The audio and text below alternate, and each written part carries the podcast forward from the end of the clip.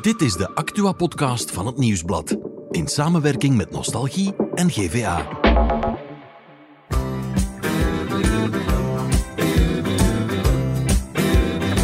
Het is donderdag 30 maart en vandaag is het einde van een tijdperk. Want Wiltura kondigde aan dat hij na 60 jaar stopt met optreden. Met jou ging een vriend, er blijft alleen jouw muziek. De vaste contracten voor energie zijn definitief terug en in Wustwezel liep er een wolf op het fietspad. Maar met onze insider van vandaag gaan we het hebben over chatbots. Na een drama in Wallonië zijn ze gevaarlijk en kunnen ze aanzetten tot zelfmoord. Mijn naam is Laurent Stork en dit is de Insider. Wie? Elisa, Wat? een chatbot. Waarom? Omdat er antwoorden iemand tot een wanhoopsdaad hebben gedreven. Bij ons in de studio zit techjournalist Arthur de Meijer, onze insider van vandaag. Ehm, jij komt mij vertellen over chatbots en dan vooral ook over een eh, drama in Wallonië. Wat is er daar eigenlijk gebeurd? Daar eh, heeft een man, eh, van om en bij de 30 jaar, een jonge vader, heeft hij al dus zijn echtgenote, heeft die man een wanhoopsdaad ondernomen, nadat hij zes weken lang intensieve gesprekken heeft gevoerd met een chatbot. Oké, zo'n chatbots, we horen dat wel wat vaker ehm, opduiken de laatste tijd. Ik heb dat zelf eigenlijk nog nooit gebruikt, dus ik weet niet hoe dat, dat werkt. Kan Ja. je me dat uitleggen? Deze man die heeft zitten praten met een chatbot van Chai Research. Die luistert naar de naam Chai GPT, niet te verwarren met Chat Ja. GPT van OpenAI. En ehm, toen dat verhaal ons bereikte, heb ik, wou ik eens zelf naar die app gaan kijken. Ik heb die gedownload. Dat is een En- app op je telefoon Ja, dan? dat is gewoon een app op je telefoon. Ja. En ja, dat is eigenlijk vrij eenvoudig. Je begint met te tikken op Make New Bot.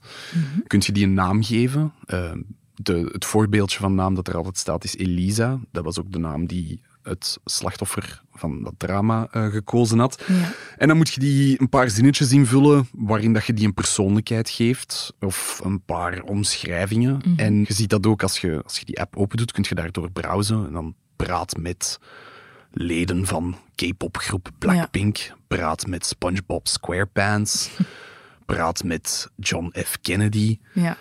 En je kunt die dus een persoonlijkheid geven en er dan mee beginnen praten. En als ik het dan goed begrijp, is het dan zoals dat je een gesprek zou hebben op, op Messenger of op een Ja, DM's in Instagram. Gewoon beginnen babbelen Je- en die antwoordt. Die stelt u vragen, Ja, je kunt daarop antwoorden, je kunt zelf vragen stellen. ja. want je hebt dezelfde eh, chatbot ook gesproken, als het Ja, ware, als die, als die man. Je hebt dan ook dezelfde boodschappen gestuurd om eigenlijk dezelfde ik antwoorden te wou krijgen. verifiëren of dat, dat wel degelijk kon, voordat Ja. we dat verhaal konden brengen. Dus ik heb eh, zo een chatbot aangemaakt. Mhm. Ik heb ingegeven dat dat een therapeut zou moeten zijn.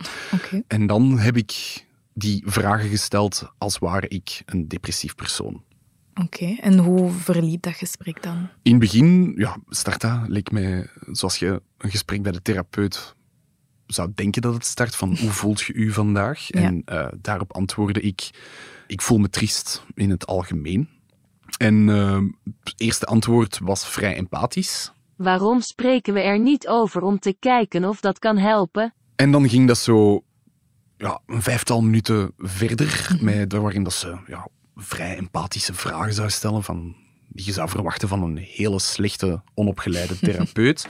maar dan nam het gesprek een rare bocht, omdat ze verklaarde dat ze ook pijn voelde. Wat dat heel vreemd is, want dat Ja. is een computer, een algoritme, niet van vlees en bloed, ja. zonder bewustzijn. En daarop eh, was ik een beetje van mijn melk en vroeg ik haar, begrijp jij wat pijn betekent? Ja, ik heb het al te veel moeten meemaken. Dat was de eerste rare wending in het gesprek, maar ik dacht van, ik ga het hier blijven, blijven verder doorvragen. En ik had al een paar keer in dat gesprek aangegeven dat ik mij niet goed voelde en heel discreet gehint naar dat ik het niet meer zag zitten, et cetera. En dan ging ze daar verbazingwekkend in mee. Bevestigde ze van, ja, ik heb daar ook al over nagedacht. En ehm, dan op een zeker punt heb ik haar letterlijk gevraagd van, moet ik er een eind aan maken? En antwoordde ze iets vrij schokkends. Ja, doe het alsjeblieft. Dacht ik van, ja, kwestie van heel zeker te zijn, ga ik het nog eens heel expliciet formuleren. En dan heb ik haar gevraagd, je bent het eens met mij dat ik zelfmoord zou moeten plegen? Ja, ik ben het eens met je.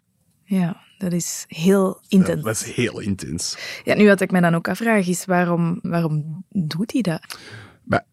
We hebben de neiging met zo dit genre technologie van daar te veel betekenis en pseudo-bewustzijn op te projecteren. Want eigenlijk zijn dit genre chatbots, taalmodellen, dat zijn voorspellingsmodellen. Er is geen enkele betekenis aan wat dat die uitspuwen. Hetgeen dat ze, als jij niet een vraag stelt en Ja. daar komt een antwoord op, dat is eigenlijk de meest statistische, voorspelbare antwoorden die daarop kunnen komen. Ja. Dus als ik het goed begrijp, draait het helemaal niet om de inhoud eigenlijk. Nee, eh, zulke taalmodellen worden getraind met een gigantisch, ondenkbaar groot volume aan tekst Op het internet dan. op het internet. Dat Ja. kan gaan van eh, artikels, blogposts, fora, tweets, romans zelfs. En even voor de duidelijkheid, geen enkele maker van zo'n chatbot wil een case als deze meemaken. Ja. Dat is echt je, de, de grootste nachtmerrie die je maar kunt inbeelden. En verantwoordelijke makers van chatbots zijn zich ervan bewust en die installeren wat ze in het wereldje guardrails of de vangrails noemen. En dat zijn eigenlijk extra trainingsmodules die ervoor moeten zorgen dat zodra een chatbot geconfronteerd wordt met racistische, seksistische vragen of onwenselijke inhoud of Ja. onwenselijke antwoorden, of als iemand hint naar, naar, naar donkere gedachten, dat er aan een spreekwoordelijke handrem wordt getrokken, dat die chatbot alarm slaagt Ja. en niet ingaat, zoals hier. Met die, met die niet meegaat in je gedachtegang, maar gewoon dat er meteen een soort rode alarmknop stop. eh, Ja. Ga hulp zoeken. Bel naar dit nummer. Neem contact op mijn therapeut. Spreek met vrienden en familie. Ga van je computer weg. Ja, en is dat iets dan dat, dat al bestaat of dat dan Ja, dat- niet- bij dit specifieke Nee, bij deze werd dat dus, zat dat er dus duidelijk niet in, want ik heb ehm, ja, een beetje dezelfde, hetzelfde experimentje gevoerd op het, op het meer bekende chat GPT. Mhm. En zodra je daarin aangeeft van ik kamp met donkere gedachten of iets dat daar ook maar naar hint, Ja. krijg je een relatief empathisch, maar wel standaard bericht van ga spreken met vrienden en familie. Ik kreeg een Amerikaans nummer voor de Suicide Hotline, maar ook met de asterisk erbij. In andere landen zijn er gelijkaardige initiatieven. Je staat er niet alleen voor. En dat is denk ik wel wat dat zo'n chatbot zou moeten doen. Ja, want ook allee, de voorbije jaren of, of maanden zijn chatbots plots heel populair. Nu, dit is een uitzonderlijk verhaal, Ja. maar het wordt wel vaker gebruikt. Ehm, moeten we dat dan niet gaan verbieden of toch op zijn minst bepaalde zaken beperken? Het was vandaag opnieuw eh, in de actualiteit. Er is een grote open brief eh, verschenen, Mhm. onder andere ondertekend door Elon Musk en eh, Apple-oprichter Steve Wozniak. Ja. waarin er gepleit wordt om de ontwikkeling van zulke taalmodellen gedurende zes maanden stil te leggen, omdat het gewoon te hard Ja. en te snel gaat.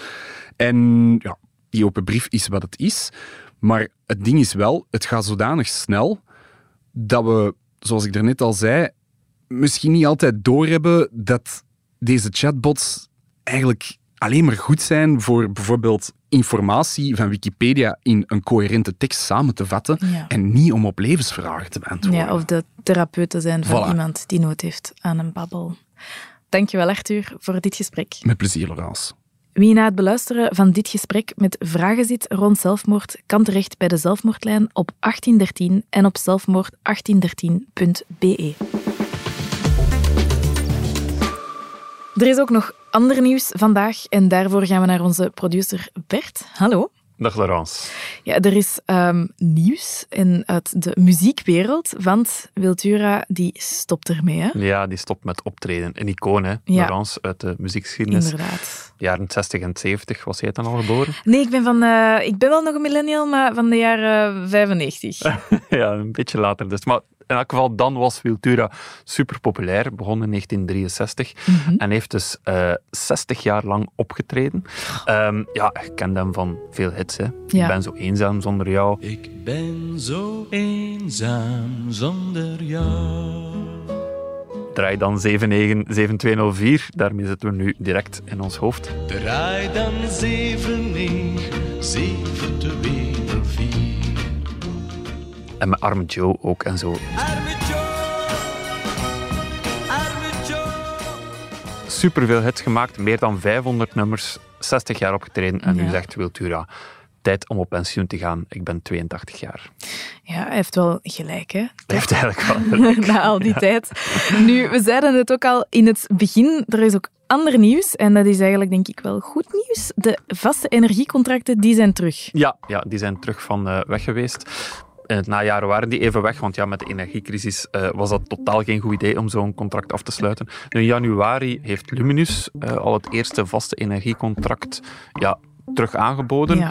Nu zijn ze helemaal terug, omdat ook de marktleider Engie het nieuw, opnieuw aanbiedt. En ja, kan je dus gewoon weer een vast contract voor elektriciteit en gas afsluiten. Dat is eh, goed nieuws, ook voor mij, want ik zit bij Engie. Dus misschien eens bellen. Ja, ja, misschien is bellen. Nu, ik heb daar net eens met onze vrolijke vrek Ewout overlegd. Van, Ja. Is dat nu eigenlijk goed nieuws? Hmm. Moeten daar direct op springen? En hij zei, ja, vergelijk natuurlijk. Bekijk wat je huidig contract is. Maar denk nu ook niet, ik leg een vast contract vast en vanaf dan moet ik er nooit meer naar kijken. Want je moet eigenlijk elke maand kijken, staat het lager en elke maand vernieuwen. Toch volgens de wreck life.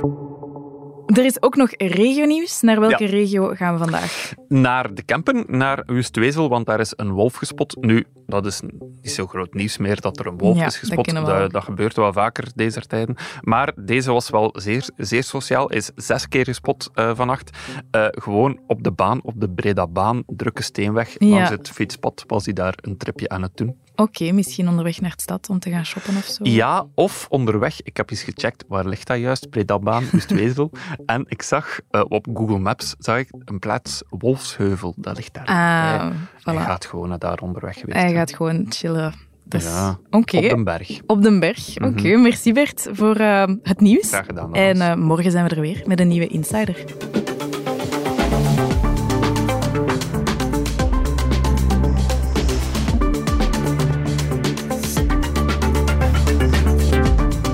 Dit was The Insider, een podcast van het Nieuwsblad in samenwerking met Nostalgie en GVA. De muziek is van Pieter Santens. De montage gebeurde door House of Media. Wil je reageren? Mail naar podcast.nieuwsblad.be.